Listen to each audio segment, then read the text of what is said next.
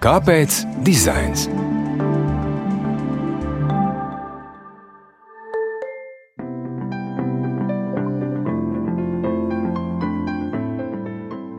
Esiet sveicināti! Es raidījuma autora Ilis Dobela atrodos Dekoratīvās mākslas un dizaina muzejā un dodos uz jaunās ekspozīcijas atklāšanu.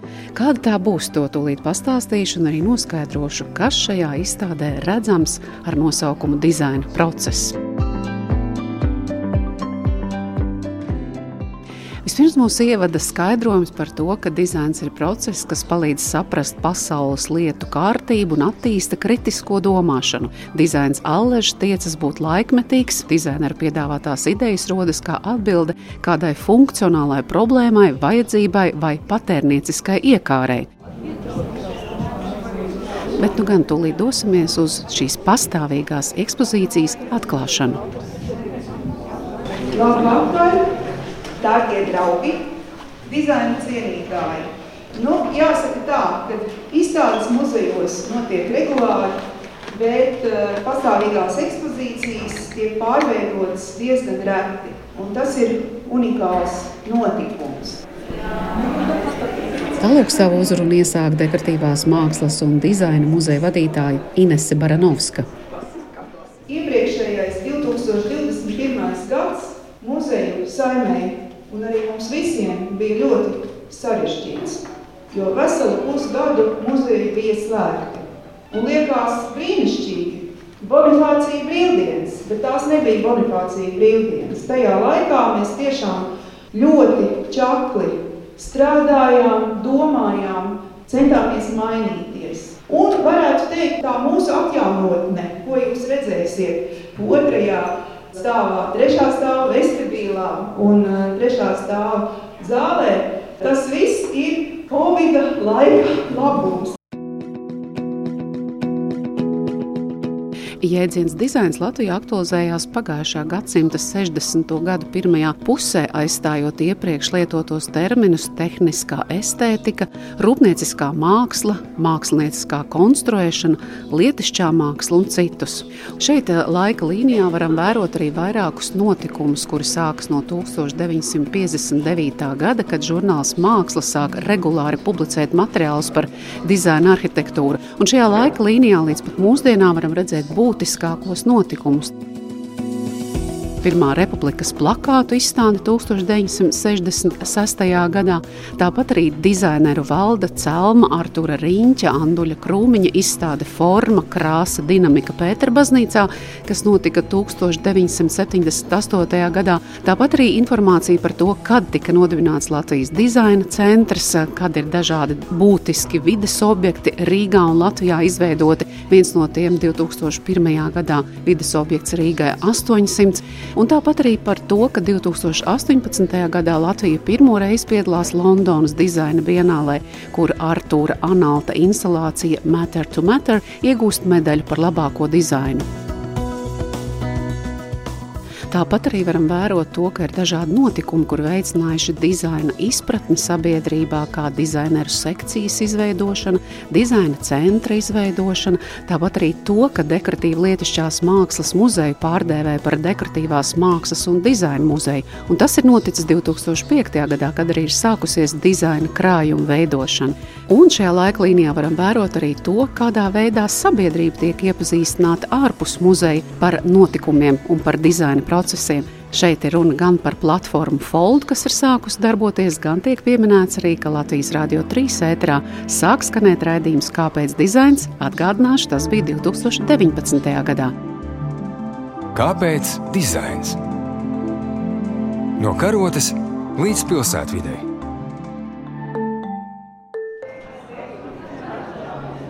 Dizaina biroja HDV idejas jaunajai pastāvīgajai ekspozīcijai realizētas kopā ar muzeja darbiniekiem.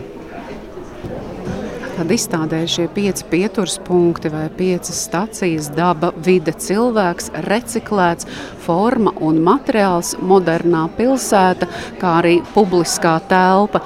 Par to un par centrālo objektu izstādes ekspozīcijā stāsta HDV vadošā dizainere Ingūna Elere.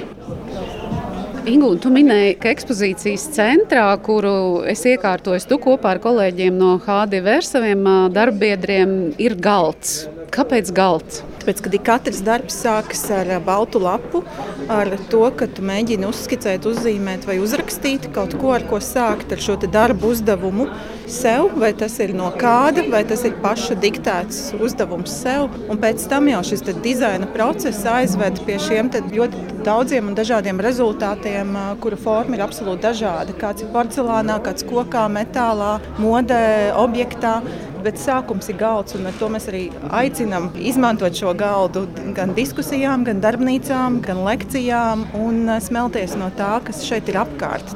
Interpretēt to, iedvesmoties un arī zināt, īstenībā zināt, no kurienes mēs nākam. Jūsu birojā es arī esmu bijusi, un jūsu birojā arī ir ļoti skaists galds. Un, cik es esmu bijusi, tad vienmēr arī viss pulcējās pie šī galda. Vai arī jums tā ir konkrētā vieta, kur dzimst idejas, kur jūs tās transformējat, pieņemat kaut ko citu, varbūt visu atceļat un sākat no jauna. Tāda radošā vieta, šis galds jūsu vidē. Jā, galds man liekas tāds simbolisks. Jau tad simbolu nozīme, idejas tiek pārbaudītas pie galda. Jo man liekas, tas teorijas un metodas katram jau ir ļoti individuāls. Reizēm jau tās patiesās idejas dzimst vienatnē, bet pēc tam pie galda viņas grib, negrib, ir jānotestē, jāizvērtē, jāapmainās ar viedokļiem, un lai tālāk tas viss varētu caur dizaina procesu attīstīties. Nacionālā muzeja direktora Māra Lāce atklāšanas runā sacīja, ka šie, protams, ir tādi pieturas punkti visā dizaina jomā Latvijā un ka šī izstāde noteikti nav noslēgta, proti, ka tā varētu mainīties, attīstīties. Kā tev šķiet, cik nozīmīgs šos pieturas punktus izdevies izveidot? Jo šeit ir arī tādas nosacītas piecas stacijas. Nu, vai mēs varam teikt, ka caur šīm stacijām mēs saprotam to nozīmīgāko daļu, kas Latvijā ir dizains? Man pašai ļoti patīk dizaina muzeja komandas kuratoriālais uzstādījums par šiem pieciem blokiem un arī tēmas. Es tagad neuzskaitīšu visas, bet ir atvērtās robežas, modernā pilsēta. Tās ir tēmas, kas ir bijušas nozīmīgas jau 50. un 60. gados, kurus autori ir izcinājuši savos darbos un kas ir nozīmīgas joprojām. Manuprāt, to nozīme nemazināsies. Un man liekas, tieši šādi izstādīt nevis chronoloģiskā secībā darbus, bet par šīm tēmām, kas arī rāda šo dizaina daudzveidību un dažādību, kad eh, tev tēma var būt viena, bet šis gala manifestācija un izpausme un risinājums var būt pilnīgi absolūti dažādi. Atkarībā no mērķa, droši vien no laikmeta, vai ne? Tieši tā, jā. Vēl ko šeit brīnišķīgi var redzēt šo ilgmūžību vai pārlaicīgumu, kā piemēram valda cēluma brīnišķīgajos burtos Rīga. Jo šeit ir, var teikt, arī tādas Latvijas dizaina ikonas, kuras ir izturējušas laika pārbaudi un cik viņas bija mūsdienīgas tajos gados, kad valdes cēlums radīja šos burtus. Viņas joprojām ir mūsdienīgas, laikmetīgas un izcilas.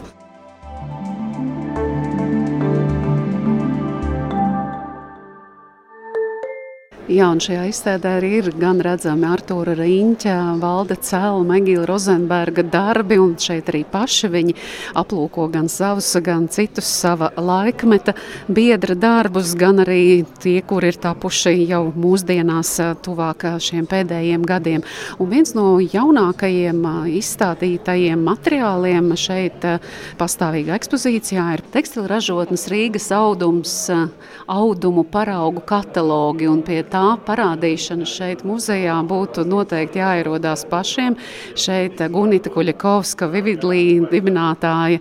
Kas ir tas, ko mēs šeit redzam? Es saprotu, ka dizaina krājuma glabātāja Ieva Zvejniec norādīja, ka muzeja īpašumā bija nonākuši ļoti daudz dažādi mazi auduma gabaliņi un bija ārkārtīgi grūti tos parādīt. Tu noteikti labāk precizēsi, kādi audumi, kādi veidoti, cik daudz un kādā veidā mēs tos varam redzēt tagad un ko tu izdarīji šai sakarā. Jā, šeit muzejā šajā klātienē mēs redzam tādu kā aizbergu, tikai tādu virsējo daļu, tādu ķirsīti uz visu tā tortes gabalu, ko mēs esam veikuši Rīgas audumu vēsturiskā mantojuma digitalizācijas virzienā.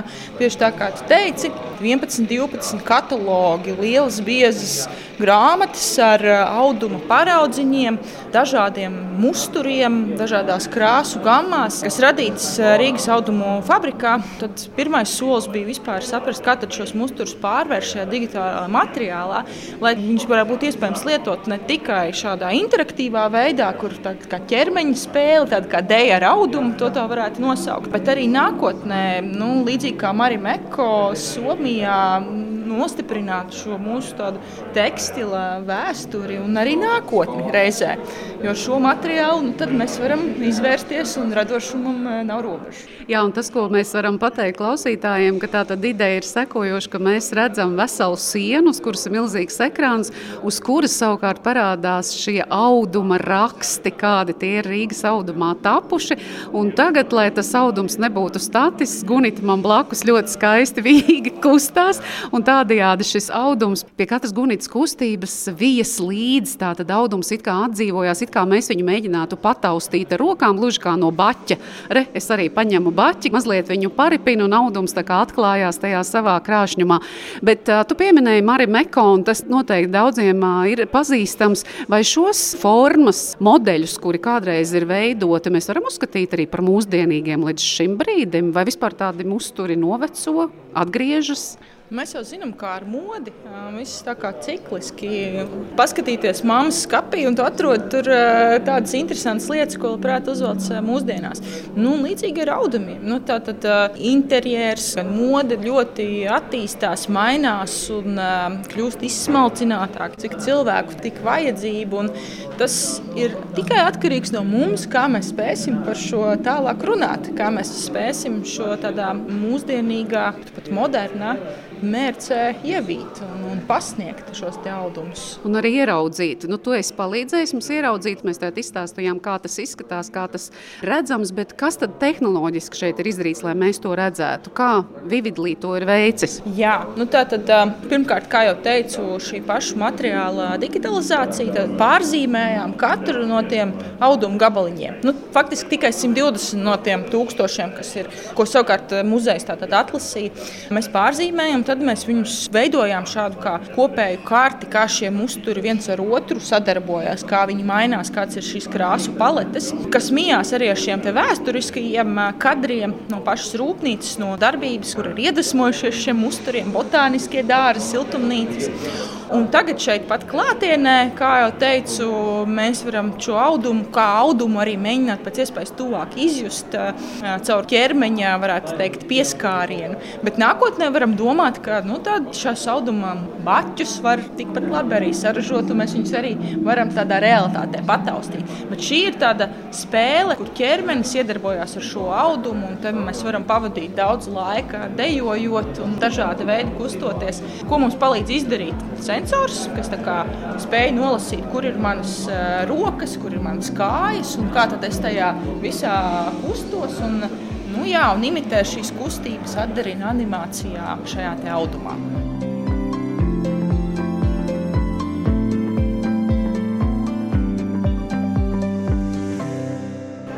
Tad ekspozīcijā muzeja krājuma priekšmetu un arī arhīvu materiāli palīdz eh, saprast dizaina daudzveidību Latvijā un liecina arī par vairākiem saskarsmes punktiem unikālajā un arī rūpnieciskajā dizainā. Turpina dekoratīvās mākslas un dizaina muzeja vadītāja Inese Baranovska. Pirmkārt, es vēlos vēsturisko tādu gaitu izstāstīt, kad mūsu muzeja kolekcija ir bāzēta uz uh, Latvijas Nacionālā mākslas muzeja kolekciju, kura tika veidota jau kopš Latvijas dibināšanas. Uh, un Dekoratīva lietušķās mākslas kolekcija bija viena no nodaļām Nacionālajā mākslas muzejā. Tad, kad 80. gados visur pasaulē bija šī kustība organizēt dekoratīvu lietušķās mākslas muzejus, un arī Baltijā, tad arī pie mums 1989. gadā atklājās dekoratīva lietušķās mākslas muzejs. Par dizainu tad muzejā nerunāja. Tie bija unikāli mākslas darbi. Un 2005. gadā mūsu muzejam tika piekabināts dizaina nosaukums un sāka veidot dizaina kolekciju. Un tas ir mazliet savādāk nekā tādos izteikti dizaina muzejos, un mēs it kā sēžam uz diviem vaļiem - uz to radošo mākslu, ko ir radījuši gan dizaineri, gan mākslinieki, kas ir unikāli mākslas priekšmeti. Tomēr mēs vēlamies stāstīt par dizainu, cik tas ir nozīmīgs un visaptverošs mūsdienās. Līdz ar to šī ekspozīcija, arī tas nosaukums jau liecina, ka viss ir procesā, viss ir kustībā. Un mēs nestāstām šo lineāro stāstu, chronoloģisko. Nē, šeit ir piecas tēmas, kuras ir būtiskas jebkurā desmitgadē. Un tieši tas, kad mēs miksējam šos dažādo desmitgažu darbus un rādām, ka ir savas kopsakarības un tiešām Viens no mūsu mērķiem bija izcelt to, ko darījuši un sen jau aizmirsts mūsu dizaina tādi cēlonlauži. Tieši kad dizainu sāka saukt kā dizainu, Valdis Cēlons, Artūrs Riņķis, Jānis Borgs kā pētnieks, 70. gadi, kad tās aktivitātes nav tikai šodien, ka tas viss ir bijis un tas ir jānovērtē un jāredz tās kopsakarības un tās paralēlas. Un tas, lai ekspozīcija būtu kā pārsteigums, kā piedzīvojums, mēs gaidām skatītāju un ar viņu kopā dodamies šajā piedzīvojumā. Šeit nav nekas tā vienkārši plakani uh, un lineāri. Par tematiskajām grupām es domāju, jau varbūt Ingūna stāstīja, bet citāts, jo tos tekstus, nu, teikšu godīgi, rakstīju es ar mani konsultējoties ar kolēģiem, jo tad, kad vajadzēja rakstīt tekstus, visi nobijās, baidījās darīt, ja? bet citāti, un tie citāti ir no iepriekšējā gadsimta. Bet tie ir tādi mūsu dizaina korifeji. Un lasot šos citātus, kas ievada katru to tekstu, šo citātu nozīme nav mainījusies. Tātad tas pierāda to, ka dizains ir bijis, dizains būs un ir ļoti dzīvotspējīgs un vajadzīgs cilvēkiem. Es absolūti piekrītu, jo arī šeit, piemēram, par dabu, vidu un cilvēku liekas, nu, kurš tad 80. gadā, kad Ojārs Ābols to ir teicis, 81. gadā varēja domāt tā, kā mēs domājam tagad. Un, un šis, ka, kāpēc tas toreiz bija aktuāli, bet tas ir bijis aktuāli tikai mēs to neesam redzējuši, kā arī to, ka dizains vidē mums ir bijis līdzās, vai tas ir bijis pie viesnīcas Latvijas šis veidojums vai Rīgas burti. Tātad mums dizains ir bijis visu laiku, jā, un tas nav sācies no 5. gada tieši tā. Nē, nē, nē, nē. no 2005. gada tas nav sācies sācies. Un, protams, mēs varbūt kaut kādu daļu nespējam parādīt. Ja? Tad mums vienkārši vajag muzejam būt lielākam un vairākiem stāviem. Ja? Jo šī rūpnieciskā dizaina sadaļa mums parādās Rīgas auduma pieredzē, bet vairāk, diemžēl, mūsu krājumā, jo tas jau viss ir vēsturiski izveidojies. Ja mēs atceramies, es pati no savas bērnības man ļoti patika, kad vecāki man veda uz meža parku, uz tautsēmniecības izstādi. Un tā faktiski bija dizaina izstāde, tikai to tā nesauc 70. gados. Bet eh, tas viss ir zudis, tā nav, bet savukārt mūsu muzeja krājums ir veidojies vēsturiski tā, kā ir. Un tomēr mums arī šis krājums ir jāparāda. Un nevar tikai visu izmest ārā un rādīt vienu rafa modelīti un kafijas dzirnaviņa straumi, kas, starp citu, ir nokopēts. Ja? tomēr no rietumiem, jo, kā Borgs saka, kad padomju laikos bija viens izcils dizainers padomju savienībā Kopirenko. Un tādēļ mēs varbūt eh, rādām vairāk šo radošo procesu, tās unikālos priekšmetus, bet ar to domu, ka arī atskatoties un padomājot, domājot par to mūsu dzīves telpu, par vērtībām, kas ir svarīgi mūsu dzīves telpā. Pret to mantu eh, daudzumu un ātrgaitu, bet par ilgtermiņa domāšanu visos veidos. Un svarīgi, kad ir šis saimnes galds un būs šīs sarunas. Ja? Un uh, tas, kad veidosies dialogs, jo mēs varam lepoties, ka mums gan Valdis Cēlis, gan Artūrs Riņķis un Jānis Borgs vēl ir dzīvi, veseli un, un strādā. Un šīs sarunas ar dažādu pauģu cilvēkiem, te var būt arī mazas pop-up izstādes. Kā, šī atvērtība ir galvenais mūsu vēstījums. Viens jautājums vēl par to, ka jā, tika pieminēts, ka šī ir pastāvīga ekspozīcija, tāpat laikā uzreiz pieminot, ka tas nenozīmē, ka tā ir aizvērta. Vai tas nozīmē, ka laika gaitā ekspozīcijā varētu mainīties krājums, nedaudz kaut kas nākt klāt? Jā, noteikti, jo, protams, nu, tekstilu mākslu mēs redzam, ka mēs nevaram parādīt mūsu krāšņo krājumu un arī papildinājumus, jo ir eh, savi ierobežojumi. Jo ļoti daudzi izcili tekstilu darbi, kas ir tapuši 70. un 80. gados, vienkārši augstums darbu ir par lielu, jo mums limitē griesti šī īpatnējā svētā jūra baznīcas arhitektūra, noliktavas telpas, bet tajos punktos, kur ir tekstilu darba ar laiku, tie tiks mainīti, arī keramika mums ir lielāks krājums. Tā kā būs tādas vieglas izmaiņas, un nu, ar domu arī, ka katru reizi skatītājiem atnākot, varbūt pēc gada vai pusgada, būs kāds patīkams pārsteigums. Un izmaiņas ir arī otrā stāva ekspozīcijā, klasikā. Lūk, ieskats jaunajā pastāvīgajā ekspozīcijā. Saskarsmes punkti Latvijas dizainā iezīmēti un ārpus muzeja krājumiem dizaineru paveiktais ir pat vairāku dažādu dizaina nozaru izstāžu vērts, jo ar dažādiem risinājumiem mēs saskaramies ikdienu, kas maina to, kā uztveram vidi, lietojam noteiktas preces vai pakalpojumus un kādu iegūmu no tā gūst cilvēks un arī valsts kopumā. Šī raidījuma skaņa montē Judita Bērziņa, jūs uzrunāja Ilzi Dobele. Šīs un citi, kāpēc dizains raidījumi dzirdam arī podkāstu aplikācijās. Uz tikšanos nākamajā raidījumā!